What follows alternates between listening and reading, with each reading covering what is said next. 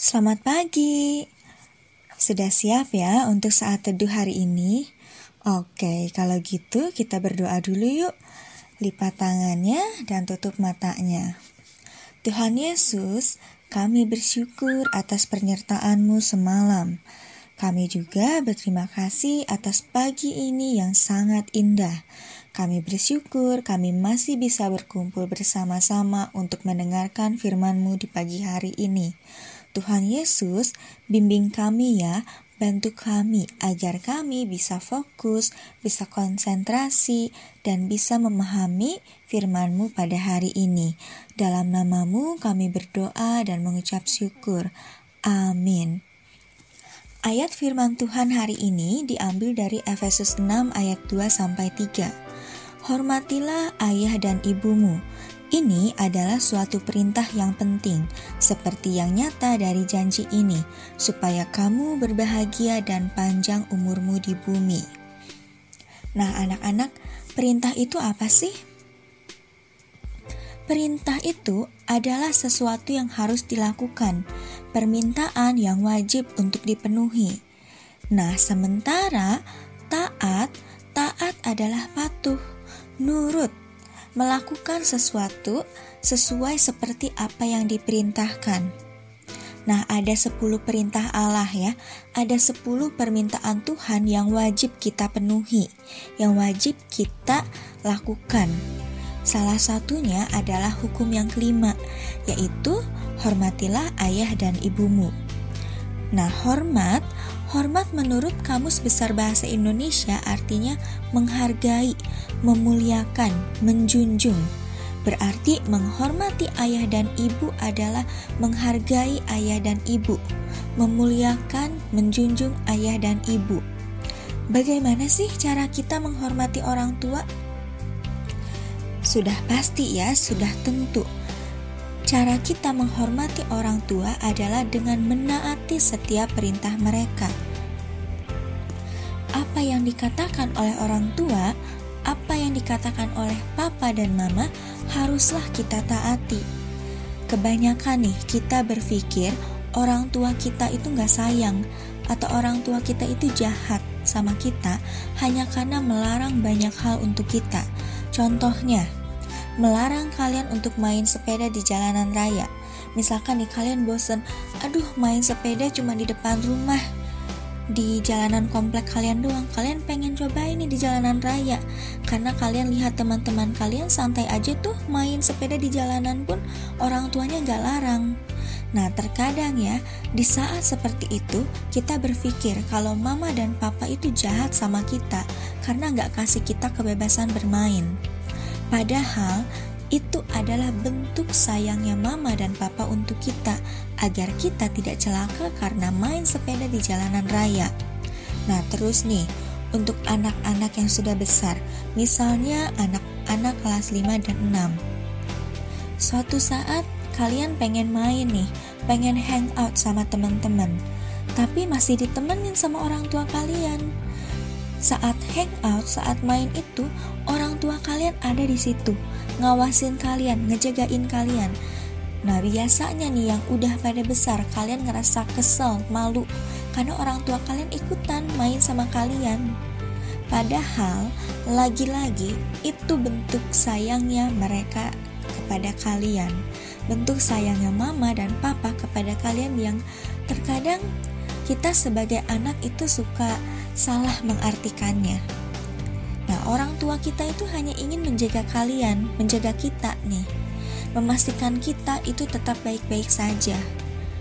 Kebayang ya kalau misalkan kalian nih sedang bermain hangout, misalkan uh, main ke Jogja, main ke mall atau main uh, atau makan ke rumah makan apa gitu tapi nggak diawasin sama orang dewasa orang terdekat kalian nggak diawasin sama mama dan papa kalian bisa terbayang kalau ada orang jahat, misalkan ada penculik yang nyari anak-anak dan kalian diculik, waduh, itu dipertanyakan ke mana nih orang tuanya, kenapa nggak menjaga, kenapa nggak ngikutin.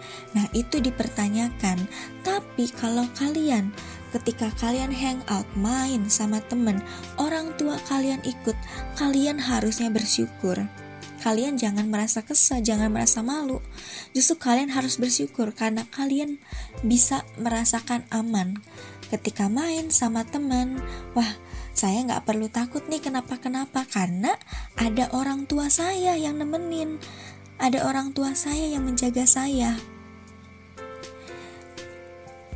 Nah, orang tua itu wakil Tuhan yang ada di dunia kita ini kita semua ini anak-anaknya Tuhan ya. Dan Tuhan ingin yang terbaik untuk kita semua. Begitu juga dengan orang tua kita mama papa kita. Gak ada satupun di dunia ini orang tua yang tidak ingin memberikan yang terbaik untuk anak-anaknya jadi nggak mungkin mama dan papa kalian tidak ingin memberikan yang terbaik untuk kalian.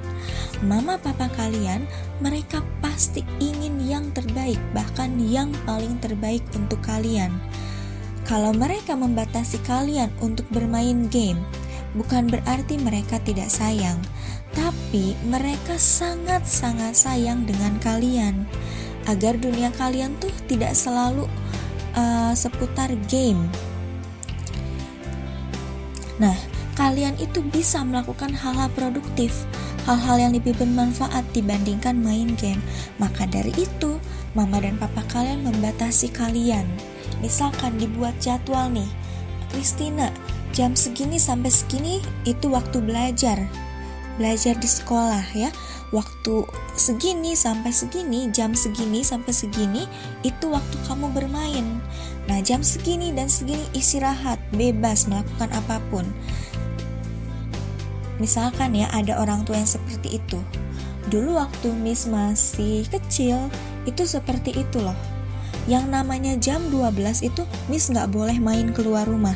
Miss harus tidur siang.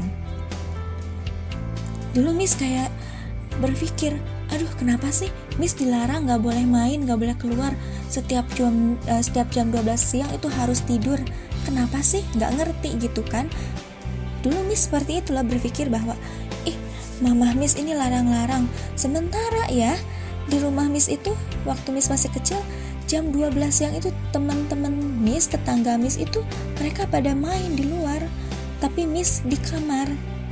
Diam aja gitu karena sama mama Miss nggak boleh keluar rumah jam 12 siang waktunya untuk tidur siang. Tapi sekarang ya setelah dewasa Miss mengerti oh iya ada waktunya. Untuk segala sesuatu itu ada waktunya bisa paham ya? Misalkan jam 7 sampai jam 11 waktu kalian belajar. Jam 11 sampai jam 12 istirahat makan siang atau apa pun itu. Jam 12 sampai jam 1 atau sampai jam 2 bisa tidur siang. Sehingga nanti sore kalian bangun mandi itu kalian mau belajar di malam hari itu kalian bisa konsen kalian gak ngantuk dan nanti ngantuknya bisa di sekitar jam 8 atau 9 dan itu sesuai untuk ukuran anak SD ya. Pasti tidurnya sekitar jam segitu tidak sampai di atas jam 10 dan setelah dewasa Miss baru mengerti oh iya betul.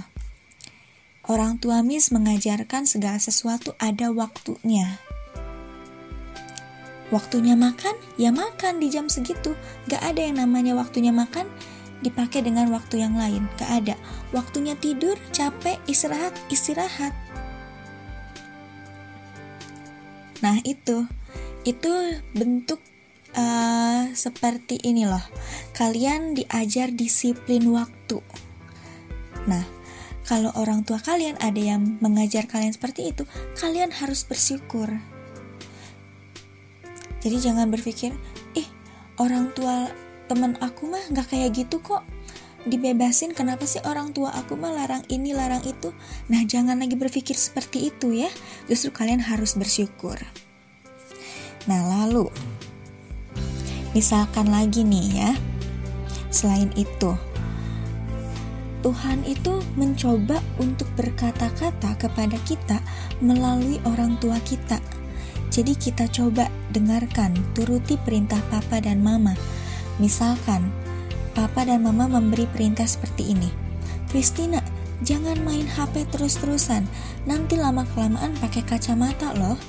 Nah, itu bisa jadi cara Tuhan memberitahu kita kalau Dia ingin mengingatkan kita untuk memanfaatkan setiap anggota tubuh kita dengan baik.